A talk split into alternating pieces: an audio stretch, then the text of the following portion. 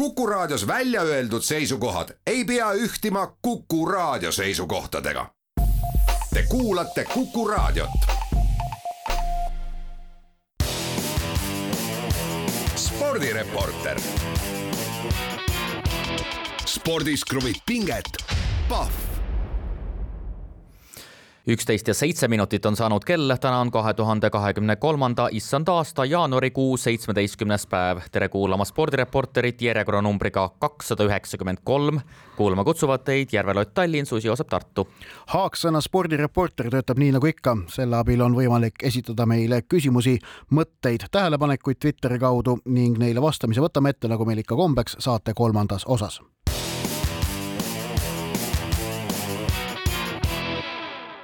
aga alustame saadet nagu ikka kiirete ja aktuaalsete teemadega ning teemaks number üks on kahtlemata ja otse loomulikult ja loogiliselt Austraalia lahtised tennisemeistrivõistlused, kus Eesti naistennisistid Kaia Kanepi ja Anett Kontaveit täna hommikul oma esimese ringi kohtumise pidasid.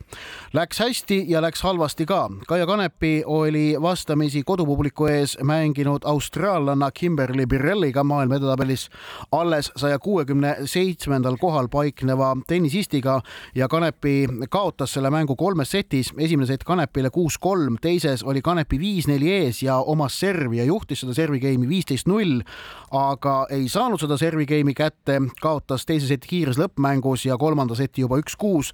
nii et mullu Austraalia lahtistel veerandfinaali jõudnud Kanepi jaoks lõppes tänavune turniir juba esimese matšiga. Anett Kontaveit oli vastamisi äh, austerlanna Julia Graberiga, kes maailma edetabelis kaheksakümne viiendal kohal ning võitis selle matši kuus-kaks, kuus-kolm. Äh, kohtumise kõige tähelepanuväärsem sündmus oli tõik, et äh, seisul üks-üks esimeses setis matš katkestati vist ligi kolmeks tunniks seoses äh, liigse kuumusega. seal oli kolmkümmend kuus, kolmkümmend seitse kraadi varjus, mis tähendab, et noh, päikese käes oli see täitsa hull, aga sealt pausilt naastes esmalt oli mäng veidikene krobeline mõlemalt poolt, aga siis Kontaveit sai selle päris kenasti enda kontrolli alla jah, no kõigepealt äh, alustaks äh, Kaia Kanepist äh, ja vaataks just nimelt eelmisesse aastasse, siis tõepoolest aasta algus otsas ju Suure Slami turniirid, arvelt, arvestades kõike seda, mis teiste turniiride lõikes aset leidis, oli ju suurepärane, kõigepealt Austraalias loomulikult veerandfinaalkoht, seejärel Prantsusmaa lahtistel kolmas ring ja siis esimene, teine ring. et võiks vist väga lihtsalt öelda, et Kaia Kanepi mängib väga tugeva, Suure Slami turniiri üksnes juhul, kui esimeses ringis on ikkagi top kümme vastane, et, et kui nõrgem vastane on, siis kipub aia taha minema. Nojah, ma tähendab, Kanepil on olemas ju küll see kuulsus, et ta on nende hiiglaste konkurentsist väljalööja, mida ta on teinud oma karjääri jooksul sageli seal, kas esimeses või teises ringis mõne suurfavoriidi out'i mänginud suurel slam'il aga, aga no tegelikult ilmselt ähm, see ikkagi see asjakohane ühisnimetaja ei ole, mis määrab ära, kas Kanepil konkreetne turniir õnnestub või mitte. praegu näiteks tema treener Indrek Tustit tõi välja, et et natukene oli ebaõnne päikese suunaga. Ehk et ilma naljata selles otsustavas servi game'is teises setis, kui ikka päike täpselt tol hetkel hakkas ebameeldiva nurga alt silma paistma, siis äh, arusaadav, et see võib servi äh, rikkuda. Ning noh, seal on lihtsalt ju tegelikult õnne küsimus, et oleks tollel hetkel sattunud Kanepi servima teiselt väljaku poole pealt, poleks äh, poleks, poleks seda probleemi olnud, aga noh, säärased, säärased asjad käivad tippspordi juurde ja, ja nendeks, nendega kohanemiseks tuleb valmis olla. jah, no loomulikult me ei tea, mis oleks olnud siis äh, eelmistes äh, no, servigaimides ja nii edasi, nii et seda võib lõputult jätkata, aga selge on ka see, et ähm, kui oled settidega üks-null peal ja oled viis-neli eduseisus, siis ilmselgelt äh, oma servigaimi kaotamine on selline asi, mis võib ka edaspidi, me teame, missugune see naiste tennis või tennis üldse on, et kui väheses see kinni on, kuivõrd kuivõrd palju selline emotsionaalne eh, situatsioon rolli mängib, et see võib eh, päris eh, suure muutuse kaasa tuua. Aga Kontaveidist rääkides, Kontaveidi positsioon loomulikult turniirile tulles ei olnud sugugi kena, arvestades seda, et jõulude ajal loobus ta ka ju sellest noh, võiks öelda kuulsast Dubai näidisturniirist, oli, oli haige ja terviseprobleemide järel kaks esimest turniiri Austraalias Adelaide'is mõlemad lõppesid ju avaringis, ehk siis kõigepealt äh, kaotas ta äh, maailma edetabelis kolmandas kümnes olevale hiinlannale kolmes setis ja siis teisel Adelaide'i turniiril kahes setis hispaanlannale Paulo Padosale. ja kui meenutada nüüd Konep-, Kont-, Kontaveidi viimast õnnestunud võistlust, siis see oligi Tallinna tenniseturniir mullu septembri lõpus, oktoobri alguses, seal ta jõudis mäletatavasti finaali, alistades poolfinaalis Kanepi, finaalis kaotas Krejtšikovale ja selle järel ongi Kontaveit oli pidanud enne tänast kolm võistlusmängu.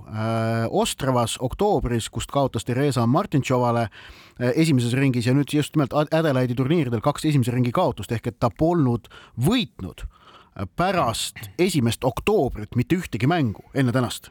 see on kolm kuud, kolm kuud võidupausi kolm pool kuud. no olgu, see aasta lõpp on äh, tennise karussellis natukene teistsugune, aga, ikkagi. emotsioon, emotsiooni ja. pole, võidu emotsiooni pole, noh kindlasti, aga, aga loomulikult need, ma arvan, et äh, no kui Kaia Kanep on väga kogenud äh, sportlane, kolmekümne seitsme aastane juba, Kontaveit on ka tegelikult ju ikkagi ringelnud väga palju maailma tipptennises, kakskümmend seitse juba, et ma arvan, et need muud muutujad on sellised, mis tegelikult ratsionaalselt panevad mõtlema sellele, et miks need turniirid on nõnda läinud.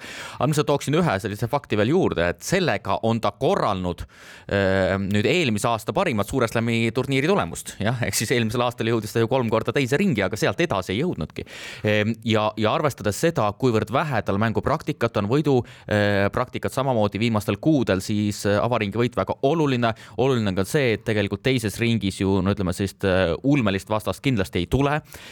mis tähendab, et kui saab natukene veel mängupraktikat, siis võib juba öelda, et võib-olla see nädalane paus või nädalane see kaotus, mis ettevalmistusperioodil sisse tuli, et võib-olla on sellest hoolimata võimalik teha ka Austraalias juba hooaja alguses korralik tulemus.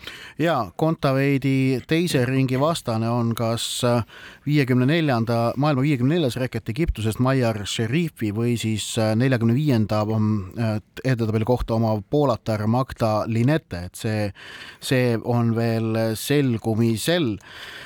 vot ja kui ta äh, peaks ka teise ringi kohtumise võitma, siis asetatud mängija, kellega ta võib minna vastamisi kolmandas ringis, on üheksateistkümnendal asetatud äh, äh, Jekaterina Aleksandrova ehk et mingit sellist noh, megakeerulist loosi tal siin niipea ootamas ei ole. aga noh, seal iga, iga võit on muidugi vaja välja teenida väljaku peal ka. aga läheme vist tennise juurest edasi, läheme laskesuusatamise juurde, teema number kaks just nimelt, laskesuusatamise maailmakarika etapp leidis aset Saksamaal Ruhpoldingis ja võib-olla tähelepanu keskmes võiks meil olla ikkagi naiste teatesõit ja mitte see, et Norra võitis, noh, see pole eriti suur üllatus, aga Eesti teatenaiskond, naiskond tegi väga korraliku esituse. kokku kasutati äh, kümme varupadrunit ja lõpetati kaheksandal kohal, kusjuures kaotust võitjale alla kahe poole minuti. ikkagi selles mõttes arvestades varasemaid tulemusi ka individuaalseid tulemusi, siis äh, suurepärane teatesõit koosseis siis Regina Ermits, Tuuli Tomingas, Susan Külm ja Johanna Talihärm. Äh, juba kasvõi see, et ühelegi trahviringile ei pidanud Eesti naiskond minema. ja olgu mainitud, et äh, maailmakarikaetapil Saksamaal sealsamas Susan Külm sai individuaalselt ka karjääri parima koha ja tavadistantsil oli ta kahekümne üheksas. ja Eesti naiskond on nüüd maailmakarikasarjas teatesõitude kokkuvõttes üheksandal kohal, sest et tänavusest on kirjas ju ka kakskümnendat kohta Kondjalahtist ja Hochfilzenist. ehk et tegelikult eh, see eh, stabiilsus, mis praegu naiskond on suutnud teatevõistlustel näidata, see torkab silma ja see, see väärib kahtlemata kiitust. Eh, kolm teadet kõik korrad esikümnesse, see on, see, see on noh, julgeks äkki isegi kasutada sõna, et uus tase võrreldes eelmiste hooaegadega ning lubab muidugi vaadata lootusrikkalt otsa Oberhofis toimuvatele maailmameistrivõistlustele, tõsi, muidugi Oberhofi kohta on tulnud ka murelikke signaale, mis puudutavad sealseid tingimusi ehk et lund praegu Oberhofis põhimõtteliselt ei ole üldse, aga esialgu veel korraldajad paanikarežiimis ei ole ehk et äh, nähakse selgeid võimalusi, kuidas maailmameistrivõistlused õnnestub ikkagi läbi viia. kuigi tõsi, siin ka nädalavahetusel muidugi oli lugeda, kuidas Ibul on põhimõtteliselt ikkagi varuplaanid juba olemas, et kui on vaja see, see võistlus mujale viia. aga, aga Eesti naislaskesuusatajatel tõesti hea nädalavahetus ja Tuuli Toomingas teenis ka ju, ju individuaalselt äh, ka punkte äh, ning äh, aga nüüd ikkagi, et kui kõva saavutus ühe maailmakarika etapi kaheksas koht ja maailmakarikasarja kokkuvõttes üheksas koht on, ma arvan, see on ka küsimus, mis väärib siin tähelepanu ning, ning ma väärtustaksin minu, minu silmis on see, et MK-sarja kokkuvõttes oleks üheksandal kohal tugevam saavutus kui see ühe konkreetse etapi kaheksas koht ehk et see maailmakarika hooaja läbi stabiilsus näitamine on, on ikkagi taseme näitaja, kui me räägime MK-sarjast jah, ja kindlasti on see väga oluline ka auditooriumile loomulikult, et äh, kui vaatame individuaalseid tulemusi, siis need äh, no kiita pole ja hooaja algas kohe no,. sa olid algas... praegu leebe no olengi selline leebe inimene.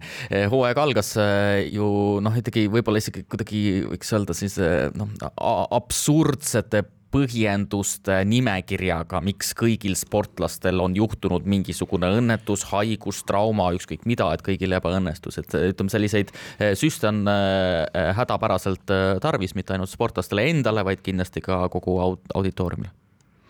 Ja tuleb, mul tuli meelde selle kaheksanda kohaga ka äh, Regina Ermitsa äh, kevadine. äh, Äh, noh, julgen öelda, et vihapurse sotsiaalmeedias pärast seda, kui Eesti Olümpiakomitee otsustas, et äh, Eesti laskesuusatajatest äh, Team Estonia toetuse peale jäävad ainult Tuuli Tomingas ja Susan Külm, kus ta kus Regina Ermit siis noh, meenutan ühte tsitaati. Äh, tõsiselt vahva on rabeleda rahvusvahelistel võistlustel ja saada ka MK-punkte, aga siiski mitte olla piisav. Ähm, et, toonane see pahameel selle üle, et tema tunnustus te,, tema konkreetselt äh, siis taset ei peetud Team Estonia jaoks piisavaks, tuli mul ka nüüd selle kaheksanda kohaga meelde ja lihtsalt, et nüüd ongi maailmameistrivõistlused see koht, kus on tervel Eesti naiskonnal võimalik äh, need kriteeriumid, mida ka Eesti Olümpiakomitee on kehtestanud, täita ja mitte täita seda C-taseme, vaid koguni B-taseme osas tulebki sõita kaheksa hulka maailma maailmameistrivõistlustel? seda esiteks, aga teiseks häid tulemusi on võimalik laskesuusatajatel eh, teha kogu talve ulatuses. et eh, mõni selline väga korralik individuaalne tulemus, näiteks noh, ütleme maailma tipptasemel kahekümne hulgas ja ma arvan, et juba see ka pälvib väga palju tähelepanu. või ka maailma, lihtsalt... no alust-, noh, okei okay,, üks tulemus kahekümne sekka, ma alustaks natuke tagasihoidlikumalt, maailmakarikasarja kokkuvõttes viiekümne sekka mahtumine no ütleme siis, alustame veel tagasihoidlikult, et äh, võiks punkte teenida, et äh, see on, see on äh, oluline, et ikkagi tulemus määrab, ütleme sellisel individuaalalal on väga selge, tulemus määrab ja, ja me oleme sellest rääkinud väga palju ja see on mõistlik printsiip mu meelest, et erisusi väga palju ei tehta, ähm, ka vähemasti riikliku rahastuse osas, sest kui neid hakata tegema, siis on ukse taga veel paarkümmend sportlast, kes soovivad erisusi eri põhjustel, sest peaks ka toetust saama. sa nüüd eksisid, sa ütlesid riiklik rahastus, Eesti no, Olümpiakomitee toetus ei ole riiklik rahastus rahastus. meil ei ole riiklikku olümpiakomiteed, meil on Eesti Olümpiakomitee, see ei ole no, riiklik. Eesti Olümpiakomitee. ja, aga läheme edasi ja teema number kolm ning räägime jalgpallist, sellepärast eilne päev tõi ähm, huvitava uudise, et FC Flora poolkaitsja Markus Poom siirdus aastase laenulepingu asume alusel Iirimaa kõrgliiga klubisse Shamrock Rovers ning selle valguses vaatame otsa nüüd üldse. Jaanuar on poole peal ja jalgpallureid, kes on Eesti kõrgliiga klubides siirdunud äh, välisklubidesse, on praeguseks kogunenud juba kuus. Äh, aga need kohad, kuhu on siirdutud, on siis, ähm, ongi Iirimaa ja natukene mujale ka, ehk et kui Markus Poom läks Shamrock Roversisse, Bogdan Vassiuk, tõsi, tema nüüd ei läinud Eesti liigast, tema läks Poola kõrgliiga klubist, aga siirdus ka Iirimaa Hiinalast Liigo Roversisse, Vladislav Greida St Patrick's Athleticusse, eh, Levadiast Robert Kirss ja Artur Pikk Poola esiliigasse ning eh, samamoodi Mark-Oliver Roosnup Serbia kõrgliigasse. mida need sihtkohad Iiri kõrgliiga, Serbia kõrgliiga, Poola esiliiga räägivad meile premium-liiga taseme kohta? tegemist kõigi kuue mängija puhul on siis kas Eesti koondislaste või Eesti koondise piiri peal olevate mängijatega no puhtalt need liigad ju noh, selles mõttes ülearu palju ei ütle, et me võime võrdluseks loomulikult tuua kogu selle näiteks UEFA koduleheküljel oleva nii-öelda liigade tabeli või ütleme siis klubide tugevustabeli ja vaadata ka erinevaid lähenemisviise või maatrikseid, kuidas on võimalik nagu hinnata eri liigade tugevusi. no ütleme, võiks öelda, et Poola ja Serb-, Serbia liigad võiksid olla ikkagi noh, seal maailmas teise kümne lõpus, kolmanda alguses tugevuses jah, ütleme, kui me vaatame kõrgliigasid no, jah. tegelikult, tegelikult on niimoodi, et Serbia oma on isegi oluliselt kõrgemal, ta on teise no, Serbia oma, aga ta... Serbiat no siin tabelis mainitakse üheteistkümnendal kohal juba, aga ma arvan, et see on natukene üle hinnatud. ja see on puhtalt tingitud sellest, et Serbia liiga on väga ebaühtlane, seal on Partisan ja, ja Re-, Cervena Zvezda niivõrd kõrged, ehk et tegelikult Roosnov, Kirss, Pikk läksid kõik samast klubist Levadiast, no üpris võrdsel tasemel mängijad Äh, aga nüüd, et Kirss ja Pikk läksid Poola esiliigasse, Roosnup äh, Serbia kõrgliigasse. Ma, ma ei taha uskuda, et need tegelikult nende klubide, kuhu nad läksid, sportlikku tasemet teab, mis palju erinevad, aga ongi, Poolas on see tase oluliselt ühtlasem, Serbias on jällegi tippteravam. Äh, Iirimaale paistab, et on, on leitud lihtsalt soodne tee või, või noh, kuidagi mingi mingisugune kanal sisse töötatud, et neid mängijaid sinna ridamisi on, on siirdunud jah, ja vaadates seda eh, nüüd jällegi UEFA, eh, kuna UEFA ikkagi teeb seda tabelit, siis on järelikult väga eh, objektiivne. et seda tabelit vaadates, siis Iiri liiga tugevust võiks võrrelda umbes Soome liigaga. ma ei tea, kas see tundub sulle loogiline? võib-olla jah, aga, aga, aga kokkuvõttes nende üleminekute kohta tahaks öelda, et, et äh, igal juhul välismaale minek ka sellisele tasemele on mõistlik otsus, sellepärast et äh, sportlane peab selle mugavustsoonist välja tulema ja, ja ambitsioonika, ambitsiooni see näitab jah, noh, et äh, siin äh, Euroopa keskmikesse liikumine võib äh, ikka korralikult selline reaalsuskontroll olla, vaadates kasvõi Rauno Sappineni, et ikkagi kuigi see oli läbimõeldud üleminek ja nii edasi, siis raskustesse sattus ta sellegipoolest. mina pole sellega nõus, et igasugune välismaale minek on hea, et mingil hetkel peab loomulikult ära proovima, aga, aga ikkagi mõistlik, eriti mida nooremas vanuses, seda, seda läbimõeldum peab see minek olema. aga läheme edasi. neljas teema ja neljakümne viies Dakari ralli on samuti samuti lõppenud eh, ja lõppes see Saudi Araabias.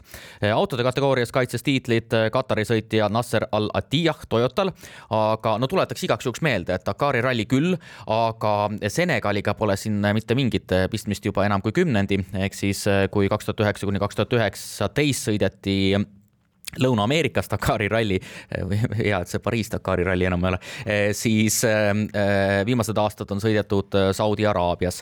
Ja mootorrataste arvestuses võidutses teist korda argentiinlane Kevin Benavides. Toomas Triisa, Mart Meeru olid T4 klassi arvestuses kokkuvõttes üheteistkümnendal kohal, vähemasti nende kommentaaridest võiks aru saada, et jäädi väga rahule, et ühtegi suurt sellist eksimust ei tehtud. Ja kaasa tegi ka meie rallipaar Urvo Männamaa ja Risto Lepik, nemad üheteistkümnendal etapil olid sunnitud võistluse katki jätma.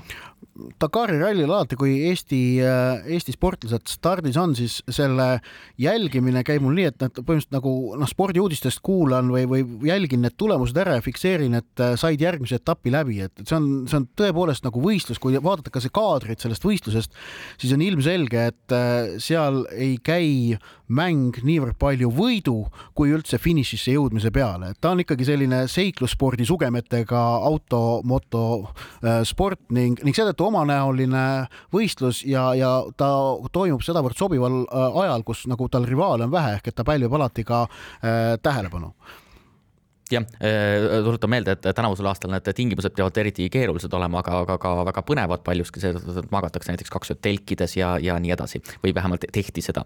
aga teeme väikese pausi ja siis äh, räägime juba autoralli maailmameistrivõistlustest.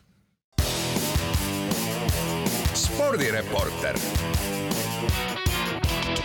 Spordis kruvib pinget, Pahv.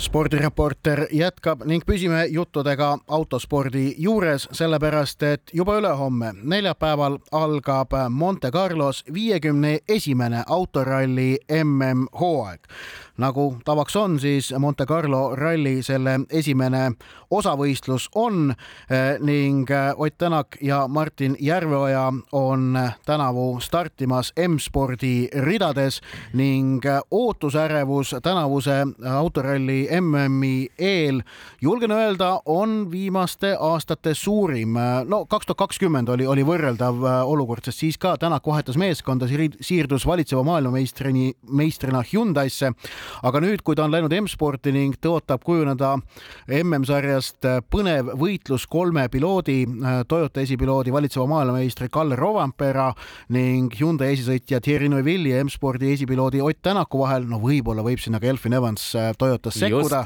seda ma andsingi märku sulle just, et kui ma vaatasin lihtsalt neid äh, kihl, kihlvedusid, siis Evansile panustatakse päris palju. ja Evansi šansid kihlveokontorites MM-tiitlile on suuremad kui Neuville'i omad, äh, mis on tõepoolest mõnevõrra üllatav, aga ühesõnaga tahaks oot-, tahaks loota ja on põhjust oodata äh, väga põnevat hooaega ning kahtlemata see, et Tänak vahetas tiimi, äh, annab äh, sellele MM-sarjale üleüldse vunki juurde, sellepärast et M-sport, kes eelmisel hooajal, noh, oleme ausad, ei olnud konkurentsis, ikkagi tippkonkurentsis, kuigi Sebastian Loeb neile Monte Carlo ralli võidu tõi eelmisel aastal. Aga Loeb ei sõitnud ju täishooaega, siis, siis nüüd peaks M-sport olema ka tipus tagasi ja, ja Tänaku motivatsioonis, mis oleme ausad, eelmine aasta Hyundai's tundus olevat selline noh, arusaadavatel põhjustel kord nii, kord naa, et, et see on nüüd totaalselt tipus, see on ka ilmselge nojah, ega motivatsioonile hästi ei mõju ju ikkagi olukord, kus mingi tulukene läheb põlema ja ütleb, et auto, autoga ei tohi edasi sõita ja või, või ise tiimi, pole, pole midagi teha. või tiimiboss ütleb, et, et ei, et ta ei vaheta kahel esikohal sõitva piloodi positsioone ära, kuigi Tänakul oleks see säilitanud või suurendanud MM-tiitli püüdmise võimalusi nojah, tolleks hetkeks oli tegelikult MM-tiitli lootus sisuliselt juba kadunud, aga no., aga no see selleks, et ega teatud äh, mingi sise, sisekliima osas äh, no, mingi indikatsioon see loomulikult on. aga me peame ikkagi äh, vaatama selle hooaja algust, et tegelikult esimesed sellised indikatsioonid, et milline ikkagi noh, sellised tugevamad märgid, et kuidas ikkagi Ott Tänak ja M-sport läbi saavad, kuidas liiguvad. ega tegelikult me enne sellist suvehakku ei saagi, et hooaja algus on ju alati selles mõttes väga keeruline miks uues... ei saa? no tulemused mõttes, on protokollis. no tulemused on protokollis jah, aga kui me vaatame, missugused rallid need on, kõigepealt Monte Carlo ralli, missugust teist nagu ei olegi põhimõtteliselt, siis on Rootsi ralli, siis sõidetakse sinna Mehhikosse tagasi, üle pika aja tagasi Mehhiko ja Tšiili on uuesti tagasi ju mm karussellis, nii, ja siis sõidetakse, on ju, tullakse tagasi Euroopasse, aprillis Horvaatia ralli sõidetakse asfaldil, on ju, siis hakkavad nii-öelda meie, meie siis, mõistes ei, no, siis normaalsed siis rallid. siis on seitse kruusarallit järjest, tõsi, neist üks ja. on, üks on Keenias. Äh, nojah, aga MM-kalender on kogu aeg säärane ja, ja sellest jutust, et, et seal ega see hooaja algus midagi eriti ei näita, ma mitte kunagi ei, ei. aru ei saa, sellepärast et, et punkte antakse, punkte antakse iga, iga etapi eest võrdselt. ehk et kui sa selle esimese otsaga hakkama, jah, kui sa esimese otsaga hakkama ei saa, siis no kruusarallidega pole enam suurt midagi peale hakata ju. no vahetame siis perspektiivi niivõrd palju, et, et mingis mõttes on see hooaja alguse traditsiooniline kalender just selline, mis ei soosi uude tiimi minekut, jah. puhtalt seetõttu, et ikkagi need on nii noh, erilised rallid, võiks öelda, jah. aga no see selleks, igatahes kui vaadata kalendrit, siis mida ma juba mainisin, ehk siis Mehhiko ja Tšiili on tagasi, aga kindlasti võib-olla isegi autoralli MM-sarja sellise sellise üldise renomee osas äh, on kõige põnevam ikkagi äh, kolmeteistkümnes äh, etapp, jah, kus siis no Kesk-Euroopa, Euroopa etapp, kus Austria, Saksamaa, Tšehhi korraldavad kolmekesi ühte etappi, et see on, see on päris huvitav ja see on kaheteistkümnes ainult. kahekümnes siis, kaheteistkümnes jah. ja eelviimane et, et see tuleb ka asfaldiralli, sarnaselt viimasele etapile Jaapanis. kokku siis jah, kolmteist etappi, millest üheksa on Euroopas, lisaks rallid Mehhikos, Äh, Keenias, Tšiilis ja Jaapanis ning omakorda neist kolmeteistkümnest rallist äh, on äh, kaheksa on kruusarallid, siis kolm on asfaldil, üks on lumel ja üks on Monte Carlos, mille ilmastiku kohta või teekatte kohta on väga keeruline midagi täpset öelda, eks ole. Kui... aga, aga, aga ma programmist rääkides, siis tegelikult sellist MM-sarja globaliseerumist aset leidnud ikkagi ei ole. räägiti jutte Saudi Araabia etapist, seda ei ole. Äh, on selgelt ju WRC äh, promootor öelnud välja ka, et nende huvi on viia autoralli MM-sari Ameerika Ühendriikidesse, seda etappi ei ole. samuti ei sõideta tänavu ei Uus-Meremaal ega Austraalias. ehk et ma jätkuvalt äh, noh, ma olen seda vist siin spordireporteris mitu aastat juba rääkinud, aga et autoralli MM-sari on liiga Euroopa keskne. üheksa etappi kolmeteistkümnest Euroopas on liiga palju. see ei võimalda sellel spordialal kasvada globaalsemaks jah, sellega ma olen nõus, samas Jaapan on esindatud äh, kaks etappi Lõuna-Ameerikas. Mehhiko ei ole Lõuna-Ameerika, Mehhiko no, on Põhja-Ameerika. just, nii okei okay,, siis Põhja-Ameerikas ja Lõuna-Ameerikas, lisaks veel üks Aafrikas, nii et vähemasti mingil määral see pilt on lai ja ma olen nõus ka sellega, et Austraalia on teatud mõttes ju väga noh, ikkagi traditsiooniline, me oleme harjunud, et Austraalias midagi ikkagi toimub. no ja mul on nõus merel. aga, aga ja siis. mis ma tahtsin öelda selle kalendri osas, et kõik võiksid ikkagi selle, need kalendrid, isiklikud kalendrimärkmikud välja võtta, et kakskümmend kuni kakskümmend kolm juuli ehk siis kaheksas etapp Eesti ralli ralli. Rally Estonia tahtsid sa öelda ah.? Jah, äh, huvitav on siis näha ka see, et mida, milliseks kujuneb äh, selline võitude edetabel autoralli selle nelja, MM-sarja nelja peamise favoriidi vahel, kui hetkel on olukord säärane, et Ott Tänak ja Thierry Neuville äh, on mõlemad saavutanud karjääri jooksul seitseteist MM-ralli võitu, Kalle Rovampere kaheksa ja Elfin Evans viis, et milline on see jõudude vahekord hooaja lõpus, kas Rovampere suudab Neuville'i ja Tänakuga vahet vähendada selles, et ta lõppkokkuvõttes neist ähm, ette ja mööda läheb, ma arvan, selles erilist kahtlust ei ole, sellepärast et kui Tänak ja Neuvill on vastavalt kolmkümmend viis ja kolmkümmend neli, siis Kalle Rompere, tuletame meelde, kõigest kahekümne kahe aastane. et ma huviga jälgin ka seda, kuidas ja kes kuivõrd palju võite ja ka poodiumikohti kogub, et muuseas poodiumikohtade osas Neuvill on Tänakust ees viiskümmend viis, nelikümmend kaks seisuga no kindlasti ütleme, ralli ajaloolises äh, kontekstis oleks ikkagi paslik hoida pöialt paljuski ka Thierry Neuvillile, et ikkagi tema karjäär on selles mõttes väga, väga kentsakas olnud no,. meenutad, meenutab Paul Kerest natukene jah. väga ketserlik, väga ketserlik avaldus sinult, teatavasti Eestis, Eesti inimesel on kohustus Thierry Neuvilli suhtuda põlgusega ja, ja teda, teda mitte hinnata, sest et ta oskab, ta ei oska sõita. sa siis ei ole kursis Eesti ralli peamise narratiiviga Thierry Neuville ei oska sõita ja on, on, on üleüldse noh, selline kobakäpp jah, peaks võib-olla Eestis siis otsima endale hea, hea autokooli, aga, aga üldiselt eh, Neville on viis korda olnud MM-sarjas teine, kaks korda järjest nüüd kolmas. Ehm, nii et eh, selles mõttes ikkagi harukordse karjääriga eh, härrasmees, aga ma lihtsalt rõhutaksin veel kord üle seda, mida minu arvates liiga vähe on rõhutatud, ehk siis, et me teame loomulikult kõik seda, et Ott Tänak on kahe tuhande üheksateistkümnenda aasta autoralli maailmameister, aga viimane hooaeg, vaatamata sellele noh, hädale, mis teda saatis äh, kogu hooaja vältel. tegi ta karjääri paremuselt teise tulemuse, ta oli MM-sarja kokkuvõttes teine. just ja, ja võitis eelmisel aastal ka kolm MM-rallit, nii et äh, Sardiinia, Soome ja, ja Belgia. vot. Mont-, Monte Carlos on küll kolm, kolm, kolm viimast korda untsu läinud, aga loodame, et see aasta läheb, sel nädalavahetusel läheb paremini. neljapäeva õhtul esimesed kaks kiiruskatset, nüüd teeme väikese pausi ja siis võtame ette kuulajatelt laekunud küsimused. spordireporter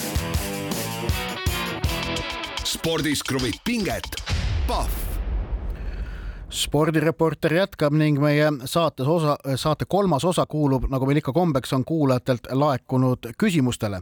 ning esimese küsimuse on esitanud tegelane, kes palub ennast tituleerida järgnevalt harrastussportlane, kehakultuurlane ja ta küsib. sidekriipsuga.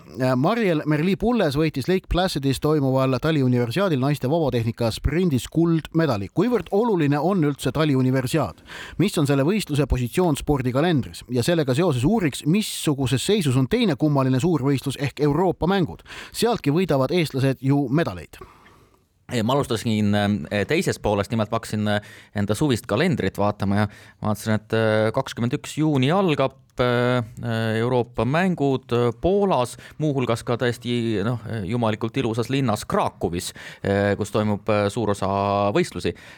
iseasi, kas need võistlused on kõigile eestlastele nii ülearu huvitavad, aga näiteks vehklemine. Nad on väga Krakowis. olulised, nad on väga olulised tänavu. üldiselt küll ja, ja kolm kord kolm korvpalli sama, sama. ei, aga noh, sa vaata, olulised ei ole nad sellepärast, et kas keegi võidab Euroopa mängudel medali või mitte, see Euroopa mängude medal, et, et seda hakataks võtma tõsise saavutusena, ma arvan, selleks peab see võistlus veel päris pikka aega kestma, elus püsima ja omama, omandama suuremat prestiiži, aga tänavused Euroopa mängud Krakowis on ülimalt olulised, sest nad on väga paljudel aladel otseseks kvalik-, kvalifikatsioonivõistluseks Pariisi olümpiamängudele. täpsustan, kui ma ei eh, eksi, siis kõikidel aladel on tegemist muuhulgas ühte või teistpidi äh, olümpiakvalifikatsiooniga no jah, ma, ma nii täpset infot ma ausalt ei ole kontrollinud, aga, aga ühesõnaga, et see on, see on äh, tänavu äh, päris oluline äh, sündmus ning, ning selles mõttes Euroopa mängud tänavu jah, ma usun, et toimuvad nüüd esimest korda ka mõnes normaalses riigis, et eelmised toimusid teatavasti Aserbaidžaanis või, või Valgevenes, et nüüd on mindud Poola ehk et on, on enam-vähem normaalne keskkond, kus neid ka korraldada. enam-vähem aga, aga, aga, aga teine küsimus, küsimuse pool, mis puudutas siis taliuniversiaadi, ja Mari-El Merli Pullese kuldmedalid, siis no, et kuhu seda asetada, ma vaatasin seda FIS punkti, mis, mille ta teenis selle võistluse kvalifikatsioonis, kus ta oli viies ja vaatasin, et selle FIS punktiga oleks ta Davosi maailmakarika etapil detsembris enne jõule samamoodi vabatehnika sprinte olnud kvalifikatsioonis kahekümne üheksas. kuivõrd palju neid nüüd tulemusi otseselt võrrelda saab, on noh, see on keeruline, aga FIS punkt on üks paremaid parameetreid, mis talispordis tegelikult olemas on. samas ma juhin tähelepanu sellele, mida, mida, mida Pulles ise ütles nüüd, kui talt küsiti maailmameistrivõistlustel Eesti koondises tulemise kohta ehk et tal on samal ajal ka ülikooliga võistlused tegelikult Ameerika Ühendriikides, Põhja-Ameerikas ja, ja ta on öelnud niimoodi, tsiteerin äh, intervjuud ERR-ile. siin on neli võistlust, kus ma saan võistelda konkurentidega, keda juba tunnen ja kes on minuga võrdväärsed. Euroopas on teistsugune ajavöönd ja seal peaksin võistlema sportlastega, kes on ikkagi tipptasemel.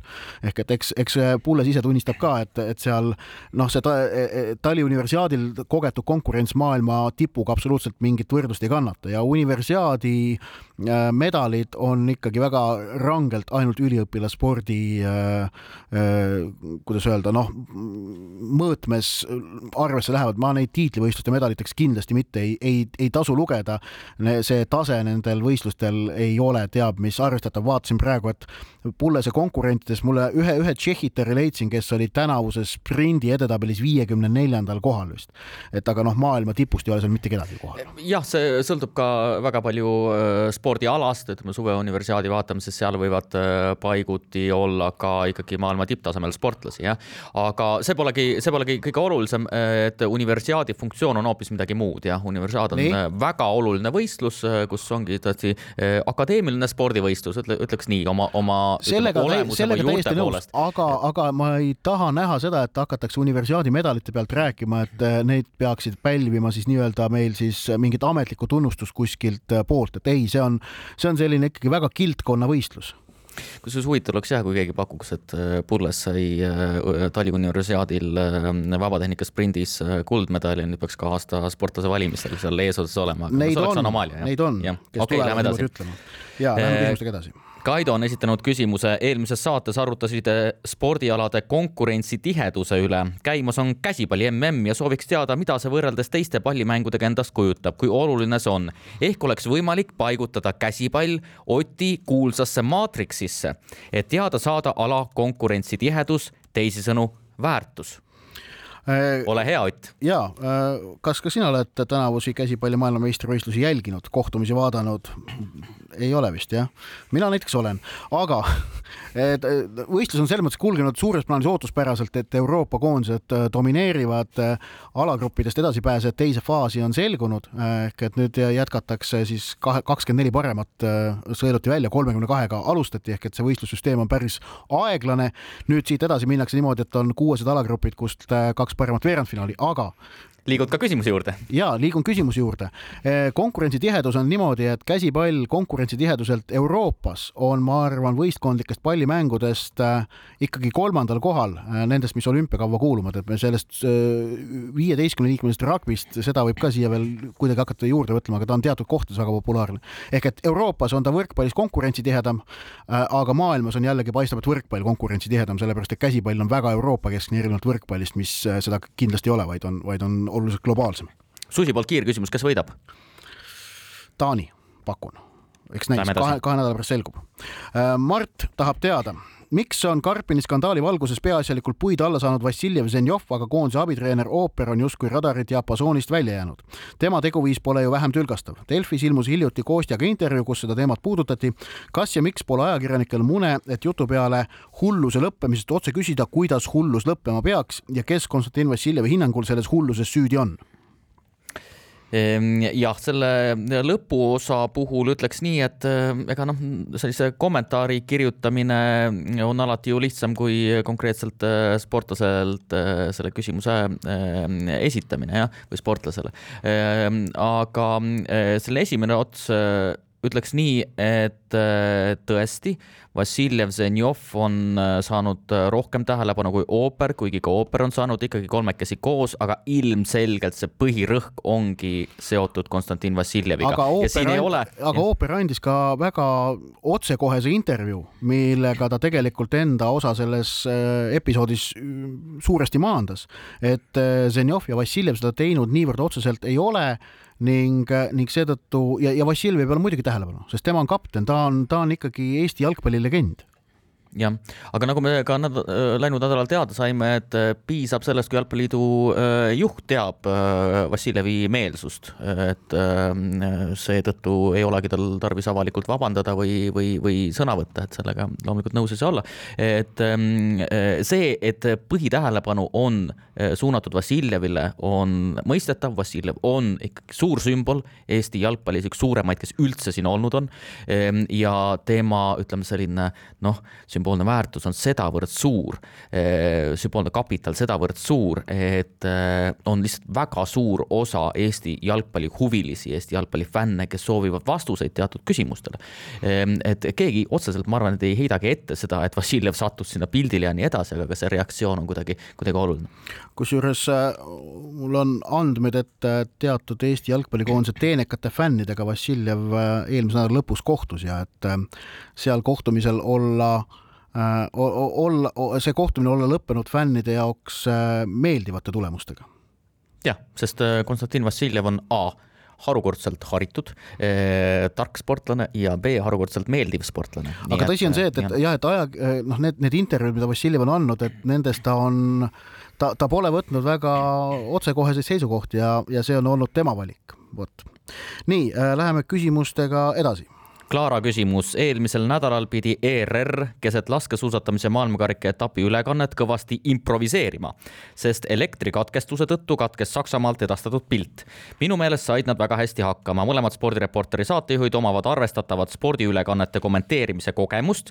palun meenutage enda karjääris sarnaseid jaburaid või ootamatuid juhtumeid. eelmisel hooajal meistrite liigas äh, oli, oli mingi mänguga vihm oli niivõrd tugev, et seda mängu lihtsalt ei alustatud ja siis me Markus Jürgensoniga kommenteerisime kakskümmend viis minutit seda, kuidas väljakult vett koristati ja, ja prooviti seal midagi, mingeid, mingeid sündmusi anda või ka muidugi tegelikult äh, eelmise hooaja meistrite liiga finaal, äh, mille algus ju viibis ligi pool tundi seoses selle kõigega, mis toimus staadioni ümber Stade France'il. ja, ja kunagi ma olen, mäletan, olen kommenteerinud jalgpalli asemel ka seda tõesti, kuidas väljaku pealt lund koristati ja seda, et, et millised jooned tuleks nüüd puhtaks lükata, sellepärast et, et mängu ennast ei, ei, ei alustatud, alustatud, alustatudki jah, ehm, no mina ise olen näiteks jalgpallikoondise mängu kommenteerinud nii, et ma sisuliselt ei näe ühte poolt äh, väljakut või näen väga halvasti, aga minu suured õpetajad nagu äh, spordiajakirjanduses, neil on väga palju lugusid, näiteks ma tean, et Tarmo Tiisler äh, judo olümpiamedalit kommenteeris vist laua alt kuskil või toolide alt, et, et natukenegi näeks midagi. Tiit Karuks kommenteeris üht jalgpallikoondise mängu, nii et üldse ühte poolt väljakut ei näinud. Ja, ja Erik Lillo näiteks on kommenteerinud laskesuusa või suusahüpete võistlust nii, et kaks pool tundi ei tea, kunas see võistlus hakkab ja kas hakkab ja tegelikult ei hakanud, aga ikka rääkis midagi. vot, teeme nüüd väikese pausi ja siis räägime olümpiamängude teleõigustest. spordireporter. spordis kruvib pinget, Pahv spordireporteri saade on jõudnud lõpusirgele, Ott Järvela jätkuvalt Tallinnas, Susi Joosep Tartus. saate lõpetuseks räägime muutustest spordi kajastamisel. Eh, nimelt, kui järgmist suveolümpiat vahendab jätkuvalt Kanal kaks, siis olümpiamängude näitamisõigused aastateks kaks tuhat kakskümmend kuus kuni kaks tuhat kolmkümmend kaks lähevad tagasi Rahvusringhäälingusse ja jutt on siis neljast olümpiast. kõigepealt eh, Milano taliolümpia, siis Los Angeles suveolümpia, siis veel üks taliolümpia kaks tuhat kolmkümmend ja kaks tuhat kolmkümmend kaks Brisbane suveolümpia.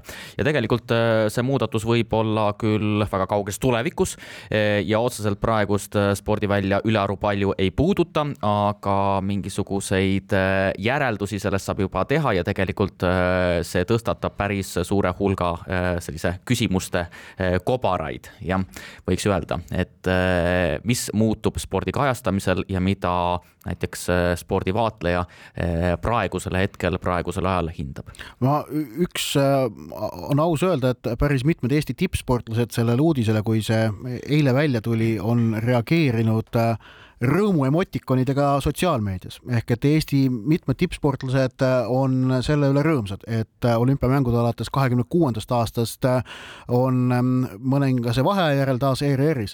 aga et, et sa mainisid ka, et tegemist on naasmisega ERR-i, siis ma arvan, et asjakohane on meenutada ka seda, kuidas siin üle, mis on ülekandeõigustega siin eelmiste kümne aasta jooksul tegelikult toimunud.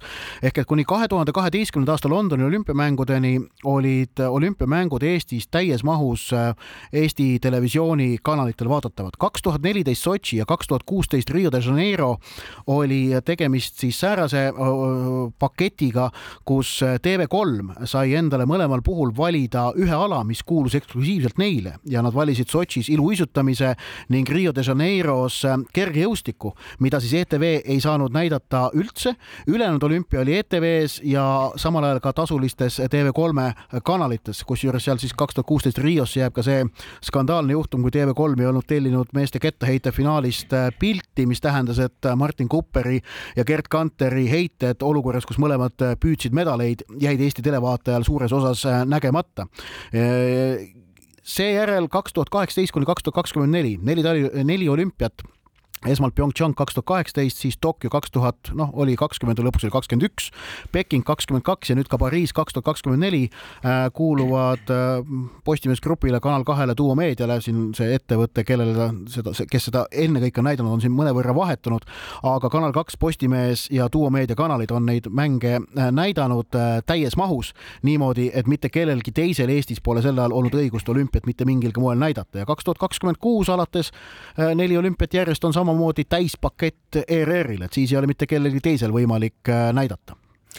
No see esimene selline äh, järeldus on väga lihtne, et äh, see, et mida Ebu teeb praegu, on ilmselgelt ka võit võitlus ikkagi spordialade killustatuse äh, vastu, ehk siis e-, spordialad e. E e EBU on siis Euroopa Ringhäälingute Ühendus, see on ka raadiokuulajal korras. jah, et eelistatakse traditsioonilisi rahvusringhäälinguid, see on kindlasti see, mida EBU soovib, sest praegusel hetkel me näeme, et, et kui spordiväli üldiselt on väga killustunud, kes vaatab ühte, kes vaatab teist ja need kõik, kõiksugused taskuhäälingud, siin on kõiksuguseid, ma ei tea, mida veel, äh, striime võimalikult igalt poolt äh, kasutada ja, ja nii edasi. et see olümp olümpiamängud oleksid kuidagi selgemalt, kompaktsemalt koos ja, ja neid oleks võimalik usaldada, see on kindlasti väga oluline. minu teine küsimus on see, et kui me vaatame, kuidas Kanal kaks sai hakkama äh, taliolümpiamängu või olümpiamängude kajastusega see algus oli väga krobeline ja siin mängis rolli väga palju sellist ehm, noh, ütleme siis ka ülekannete välist ehk siis vaatajate harjumus, kuidas on harjutud jälgima, missuguste häältega ja nii edasi. tehti sisse ka selliseid äh, apsakaid, nagu sa nimetasid, aga järk-järgult muutus see paremaks. näiteks viimane, äh, viimase olümpia kajastus äh, ka ütleme näiteks noh, ütleme sellised intervjuud, laiemad kajastused, need olid juba märgatavalt kõrgemal tasemel. ehk siis nüüd tekib küsimus, et kas naasmine ERR ERR-i võib taaskord tekitada sellise esi, esimese tõrke, et harjumuspärane on juba jälgida seda teises äh, kontekstis või teistsuguste häälte kaudu äh, või, või siis mitte naasmine, tähendab ERR-i naasmine, ma arvan, selles mõttes lõpuks ta spordiajakirjanduslikust siis ütleme meisterlikkuse ja tehnilise aspekti poole pealt läheb üpriski valutult, sellepärast et ERR-is on äh, teatavasti professionaalne sporditoimetus, kus on inimesi äh, palju. Ja ma arvan, et selles osas, selles osas jah, mingit äh, probleemi ei, ei teki, aga tõepoolest järgmine olümpia on ikkagi Kanal kahes ja kaks tuhat kakskümmend neli Pariisi olümpia ähm, on, tõotab tulla Eesti vaatevinklist oluline äh, ja kahtlemata ka suur ja väga tähtis on ka see, et ta on lähedal. ta on, ta on ikkagi tunnetav, vaatad käega katsutav, see Prantsusmaa ning kahtlemata ka asjaolu, et tegemist on sobivas ajavööndis toimuvate olümpiamängudega, on oluline. tuletan meelde, kaks sellele järgnevat suveolümpiat Los Angeles ja Brisbane Eesti jaoks sobivas ajavööndis ei toimu äh, ja ilmselt ka kaks tuhat kolmkümmend taliolümpia ei ole pigem Euroopa Euroopasse tulemas, vaid pigem räägitakse praegu kõige rohkem ikkagi Sapporost ja Jaapanist. ehk et nendest neljast olümpiast, mis ERR omandas euroopalase jaoks sobivas ajavööndis ilmselt ikkagi ainult esimene, see kaks tuhat kakskümmend kuus taliolümpia äh, Milanos ja Cortina d'Ampezzo's. aga siis selle äh, diili, mis, mille ERR eile välja kuulutas, täpsustamiseks olgu öeldud, et, et, et äh, see tasulise televisiooni õigus äh, terves mahus jääb jätkuvalt Eurospordile ka selleks perioodiks kaks kaks tuhat kakskümmend kuus kuni kaks tuhat kolmkümmend kaks ehk et ETV-l on siis võimalik näidata kas siis sada tundi taliolümpiat, kakssada tundi suveolümpiat, aga kõik see, mis ERR-i eetrisse ei jõua, on jätkuvalt eurospordi ilmselt on eurosport, noh, et vaevalt on midagi, seda muudetakse, nad võivad seda muidugi all litsentsida ka, aga nende kanalites äh, nähtav ja, ja nende veebiplatvormidelt kättesaadav. ehk et äh, seekord jah, et kui, kui si siiani olid äh, või praeguses olukorras oli eurosport ainust ainu, õiguste ainuomanik, siis edaspidi on see nii-öelda jagatud. vot, vast andsime mingi ülevaate nüüd raadiokuulajale ära, mis olümpiamängudega juhtuma hakkab. püsivad esialgu Kanal kahes, siis lähevad ERR-i just nimelt, kas liigume soovituste juurde? aeg on küps jah, ehm, mina soovitan, soovitan homme õhtul korvpalli vaadata Kalevi spordihallis üheksateist kolmkümmend. BC Kalev Cramo jätkab eh, oma eurosarja teekonda eh, FIBA EuroCupil. mina soovitan käsipalli maailmameistrivõistlustele pilk peale visata ning eh, seal siis vaheturniiri kohtumised on alanud ning näiteks reede õhtul tõotab tulla väga põnev mäng Islandi ja Rootsi vahel, mida soovitan kell kakskümmend üks kolmkümmend vaadata. nüüd aga meie saate lõpetuseks üks laul ning äh, säärane huvitav ansambel nagu Wismari poisid pühendab järgneva loo laskesuusatamise maailmakarika etapil Ruhpoldingis juhtunule. elektrik külas käis, ta oli maani täis, ta minu juures juht vedajas sassi, elektrik külas käis täis, nüüd edaspidi pimeduses passib. elektrik, elektrik.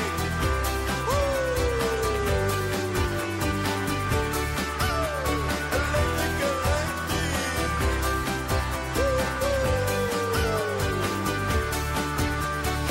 eile külas käis elektrik, taskud juhtmeid täis olla võiks ta ettevaatlik, õudne pauk meil käis.